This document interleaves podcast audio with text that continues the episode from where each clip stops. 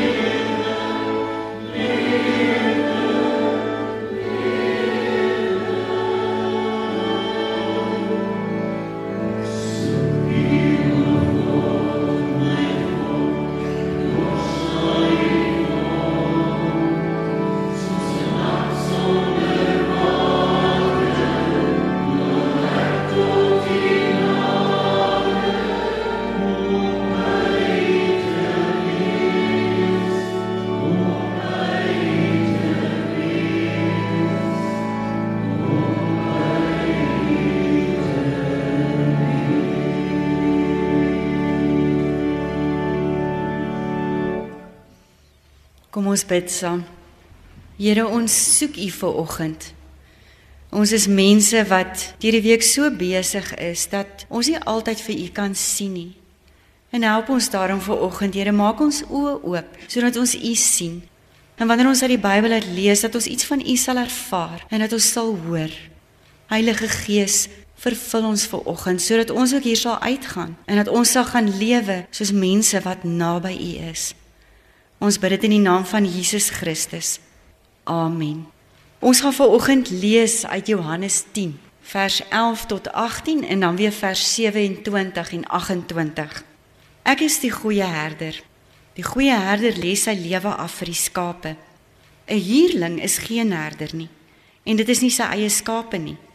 As hy 'n wolf sien kom, los hy die skape en hardloop weg en die wolf vang die skape en jaag die trop uitmekaar. Hy is 'n huurling en bekommer hom nie oor die skape nie. Ek is die goeie herder. Ek ken my skape en my skape ken my. Net soos die Vader my ken en ek die Vader ken. En ek lê my lewe af vir die skape. Ek het nog ander skape wat nie van hierdie kraal is nie. Ek moet hulle ook lei. Hulle sal na my stem luister en hulle sal een kudde wees met een herder. Die Vader het my lief omdat ek my lewe aflê om dit weer op te neem. Niemand neem dit van my af nie, maar ek lê dit uit my eie af. Ek het die volmag om dit af te lê en ek het die volmag om dit weer op te neem. Dit is die opdrag wat ek van my Vader ontvang het. En dan lees ons weer vers 27. My skape luister na my stem. Ek ken hulle en hulle volg my. Ek gee hulle die ewige lewe en hulle sal in alle ewigheid nooit verlore gaan nie. Niemand sal hulle uit my hand uitruk nie. 'n Rukkie terug gesels ek en 'n vriend van my oor die verskil tussen huurlinge en 'n eienaar. En hy vertel toe vir my die storie van hom en sy vriend Jan. Hulle twee het op 'n dag gaan visvang by 'n rivier. Hulle was die hele dag uit op Jan se boot en hulle albei het dit baie geniet. Dit raak toe nou huis toe gaan tyd en hulle maak Jan se boot aan die pier vas. En hulle gaan bære die visstokke en die gereedskap in die bakkie. Maar toe hulle terugkom, is Jan se boot weg. Hulle kyk af in die rivier en daar sien hulle dryf Jan se boot weg, paar meter van die wal af. Hulle hardloop toe tussen die riete agter Jan se boot aan. Maar hoe vinniger hulle hardloop, hoe vinniger dryf Jan se boot weg. En uiteindelik breek die oomblik van waarheid aan. Hulle besef al is hulle hoe koud en hoe moeg, een van hulle gaan agter daai boot moet aanswem. My vriend sê hulle het so vir mekaar gekyk en hulle het geweet wie dit gaan wees. Jan het sy klere uitgetrek en in die water ingespring en agter daai boot aangeswem. Dit was nie my boot gewees nie, sê my vriend toe vir my. Maar ek het dan vir Jan aangemoedig toe hy in die water inspring. Daar's iets aan eienaarskap wat net anders is. Jesus sê My skape behoort aan my en daarom sal ek nie weghardloop nie en daarom sal ek ook nie aan die kant staan en kyk nie. Jesus se eienaarskap is natuurlik baie anders as om 'n boot te besit. As hy praat van eienaarskap, dan gaan dit oor 'n verhouding met mense. Sy eienaarskap gaan daaroor dat hy so verbind is aan die mense, dat hy so met mense identifiseer dat hulle deel word van hom. Is amper soos 'n ma met haar kinders. Ek onthou toe ek op skool was, het my ma eendag by die skool aangekom en gesien hoe 'n juffrou onregverdig met my sussie raas. My ma het haar handsak net daar gelos en baie vinnig begin stap. Sy het tussen die juffrou en my sussie gaan staan en sy het vir die juffrou gesê: "Moenie so met haar praat nie. As jy met haar praat, praat jy met my." Daar's 'n soort intimiteit daaraan om jouself in iemand anders se plek te plaas omdat jy aan mekaar verbind is. Omdat jy deel is van mekaar. Nou dis seker nie altyd goed dat iemand in jou plek staan nie, want 'n mens moet ook leer om vir jouself op te staan. Maar almal van ons het iemand in ons lewens nodig wat kan sê: "As jy met haar praat, praat jy met my." Iemand wat sy klere sal uittrek en in die water sal spring as dit jy is wat besig is om weg te dryf. Dit is liefde. Dit is selfopofferende liefde. En dis die soort liefde wat Jesus beoefen. En dis die soort liefde wat hy vir ons leer. In die gedeelte wat ons gelees het, praat Jesus met mense wat wonder oor hom. Hulle sien sy tekens, hulle hoor sy woorde, maar kort kort wonder hulle, wie is hy? En hulle vra vir hom, wie is jy? En dan gee Jesus hierdie antwoord waarmee hy homself aan ons voorstel. In Jesus se liefdesbrief sê hy, hy ken sy skape. Nou, as Jesus 'n huurling was, dan sou hy nie eens een van ons se name ken nie. Maar nou is daar hierdie verbintenis. Ek ken jou en jy ken my. Vroeger in hoofstuk 10 praat Jesus in die derde persoon. Hy sê herders doen sekere dinge vir hulle skape. Maar nou sê hy ek self is julle herder. Ek self ken julle. Die woord ken is 'n besonderse woord. Dis meer as om net iemand se naam te ken. Dis meer as om net inligting oor iemand te hê. Dis iets naby. Dis 'n diep persoonlike verhouding met iemand. As Jesus sê hy ken jou, dan beteken dit hy is intens betrokke by jou lewe. Hy ken jou aard. Hy sien jou. Hy weet wat nodig is vir jou. Hy ken vir jou beter as wat jou ma jou ken. Hy ken jou drome, En hy ken jou geheime en jy hoef nie eers skaam te wees daaroor by hom nie. Jy hoef niks vir hom weg te steek nie. Daai goed wat jy nog altyd sukkel om te verwerk. Die seer wat maar nog altyd daar is. Jou sensitiewe punte. Hy ken dit asof dit sy eie is. Jesus ken die Samaritaanse vrou se nare storie wat sy so graag wil wegsteek. Hy ken sy disippels se goeie en slegte maniere en hy weet hoekom Martha ongelukkig is en hy weet wat Maria nodig het. Elke mens is vir hom belangrik. Jy ook. Hy ken vir ons beter as wat ons onsself soms ken. Dit is vir baie mense nogal 'n skrikwekkende gedagte. Dit maak mense bang dat die Here ons geskiedenis ken, al ons ou sondes en al ons gebroke gedagtes. Mense is bang want hierdie ken voel vir hulle baie keer te veel soos 'n oog wat vir hulle dophou. Maar Jesus sê alles behalwe. Die feit dat hy vir jou so goed ken, moet eintlik bevrydend wees, want hy is die een by wie jy nou eintlik jouself kan wees. En dis 'n troos want by hom is 'n mens veilig. In sy liefdesbrief sê Jesus hy doen iets aan hierdie verhouding. Hy gee. Hy sorg. 'n Huurling sou die wolf of die rivier of 'n juffrou net een kyk gegee het en verdwyn het. Miskien sou hy so oor sy skouer in die hardloop vir jou gesê het: "God seën jou, ek sal vir jou bid." In Jesus se tyd was die huurlinge die godsdienstige leiers gewees wat gemaak het of hulle omgee. Maar intussen het hulle oor die mense geoordeel. Hulle het die geringste mense verdruk. Hulle gee nie eintlik om vir die mense nie. Hulle het nie liefde vir die mense gehad nie. Hulle het eintlik net vir hulle self omgegee. Hulle wou 'n vrou wat betrap is met oorspel wou hulle met klippe doodgooi. En hulle het 'n man wat eers blind was en toe weer kon sien, uit die sinagoge uitgeban omdat hy nie in hulle raamwerk ingepas het nie. Laat mens dink aan Jeremia 23 wat praat van die herders wat nie die skape opgepas het nie. Die wolf aan die ander kant was in Jesus se tyd die magtige Romeinse ryk wat vrede beloof het, maar wat mense wreed onderdruk het en wat hulle verarm het. In mense eie lewe kry mense ook huurlinge en wolwe wat die een ding voorgee, maar wat die lewe uit 'n mens uittap. Dalk is dit verkeerde besluite wat jy geneem het. Miskien het ek na verkeerde mense geluister of moegheid wat net wil oorneem. Miskien is dit angs wat jy het vir die toekoms of dalk is dit iets wat so 'n mag oor jou lewe het dat jy net nie daarvan kan wegkom nie. Jesus sê, hy is nie 'n huurling of 'n wolf nie. Omdat hy ons ken, weet hy wat om vir ons te gee. Die hele Johannes Evangelie is vol van afsprake wat Jesus met mense gehad het. En in sy afsprake het hy nooit met leë hande gekom nie. Hy het altyd gekom met iets wat hy gee. In sy afspraak met die verleë bruidegom het hy nuwe wyn gegee. Vir mense wat verlore was in hulle skuld, soos Maria Magdalena, het hy vergifnis gegee. Vir mense wat dors is, het hy water van lewe gegee. En vir Nikodemus wat skaam skaam kom vra vra het, het Jesus antwoorde gegee. En vir sy bang disippels, hy het ook 'n afspraak met jou. Hy gee homself vir jou. Hy raak so betrokke in ons lewens dat hy nie net sy lewe waag vir ons nie, maar dat hy sy lewe gee.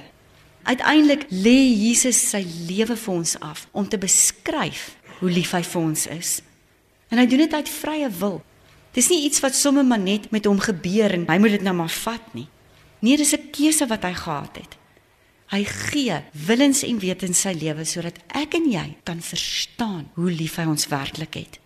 En sodat ek en jy in ons gebrokenheid nuwe lewe kan hê. Dit gee hy. Jesus lê sy lewe af vir die skape. Maar wat gebeur met die skape, sou jy dalk wonder. Jesus sê in sy liefdesbrief, hy werk met sy skape. Hy los hulle nie. Hy doen dinge met hulle. Hy laat hulle groei. En uiteindelik verander hy hulle. Die nag voor sy dood het Jesus se skape almal aan die slaap geraak na 'n lekker ete wat hulle gehad het. En toe hulle weer sien, kom daar wolwe met stokke en fakkels om hulle herder weg te lei. En hulle gaan verskeer hom op die koppie Golgotha net buite die stad. En so skape maar maak, koek hulle saam vir veiligheid. En hulle kan nie dink nie, hulle kan nie beweeg nie. En so bly hulle vir 3 dae lank. Hulle wonder, sal hulle ook doodgaan? Sal die wolwe terugkom vir hulle?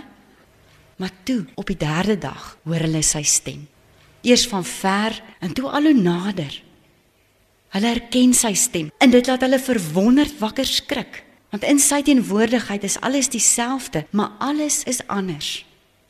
Hy het hulle verander na sy beeld.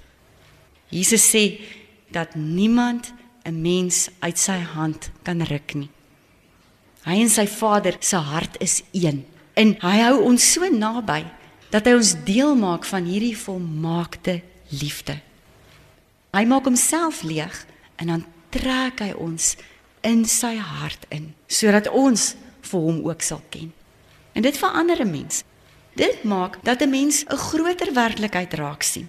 Dit maak ons ore oop vir die Herder se stem.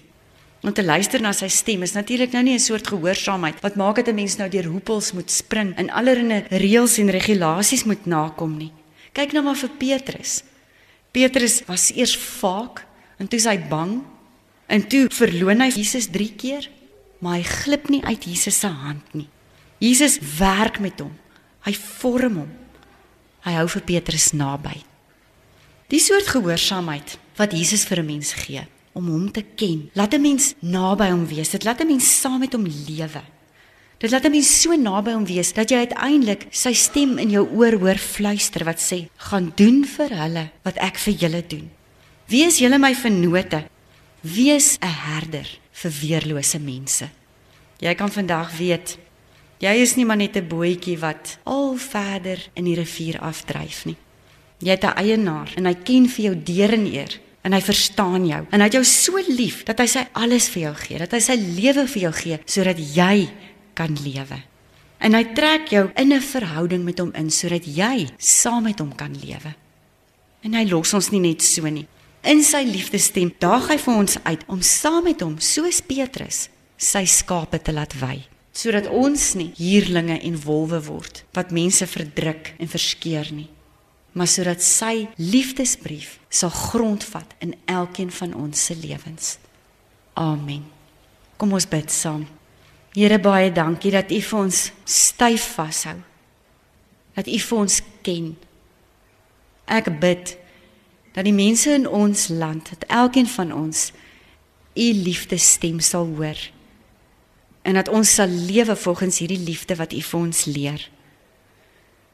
Ek bid vir oggend vir ons regering, vir ons gemeenskappe, vir ons kerke, vir ons families. Here dat U die herder sal wees wat vir ons lei. En dat ons sal weet U stap elke dag tree vir tree saam met ons. Amen. Vriende in um, Johannes 15 het Jesus gesê: "Soos die Vader my liefhet, het ek julle ook lief." Julle moet in my liefde bly. Dit is my opdrag. Julle moet mekaar lief hê soos ek julle liefhet. Dit beveel ek julle. Julle moet mekaar lief hê. Want hierdie liefdesverhouding wat die Here met ons het, begin met liefde en die uitvloeisel daarvan is liefde. En dit is wat die Here van ons ook vra. Kom ons sing. Ons sing oor Jesus se kruis. Want ons weet dat al hierdie dinge het hy vir ons gegee deur die kruis.